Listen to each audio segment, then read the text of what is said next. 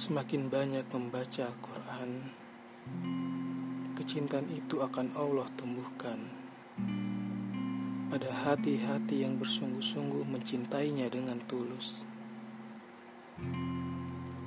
Al-Quran laksana oase bagi hati yang tandus, laksana obat bagi hati yang sakit, laksana hujan bagi hati yang kering laksana mentari bagi hati yang dingin.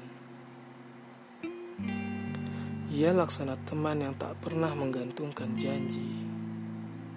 Laksana saudara yang tak pernah menikam dengan begitu tajam. Laksana lentera yang menyinari kegelapan. Ia laksana cinta yang tak pernah habis kecintaannya. Semakin dalam mencintai Al-Quran, kedamaian itu akan bersemi bagi jiwa-jiwa yang merindukan sebuah kepulangan.